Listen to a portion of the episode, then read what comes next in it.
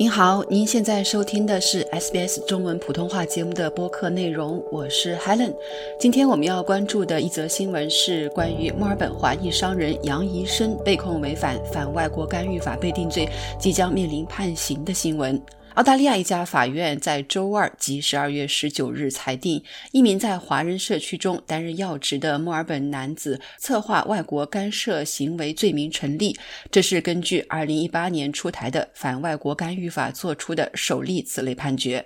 澳大利亚联邦警察局在一份声明中说，维多利亚州警方于二零二零年指控前自由党党员杨医生准备或策划外国干涉行为，法院认定这些指控成立。据 ABC 报道，检察官告诉法庭，杨医生与中国情报部门经常保持联系，并试图影响时任联邦政府部长艾伦塔奇，以推进中国共产党的目标。杨医生对于法庭的指控不认罪，法庭将在晚些时候对杨医生作出量刑裁决。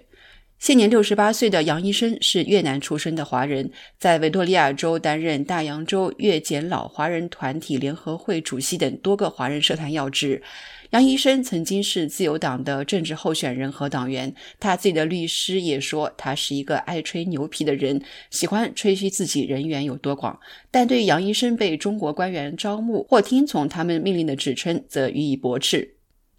杨医生二零二零年十一月被控触犯了反外国干预法，杨医生被认为与中国和平统一促进委员会有关，这个合促会是由中共中央统战部控制。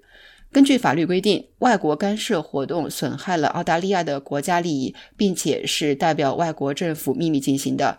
警方在一份声明中称，外国干涉依然是澳大利亚联邦警察局在国家安全方面的一个重要优先事项。在向议会提交这项法律时，时任总理马尔科姆特恩布尔引用了中国政府干预澳大利亚政界和大学的指控，这引发了中国政府的愤怒回应。以上为 SBS 中文普通话节目综合路透社、ABC、SBS 等新闻来源所制作的播客内容。我是记者 Helen，感谢您的收听。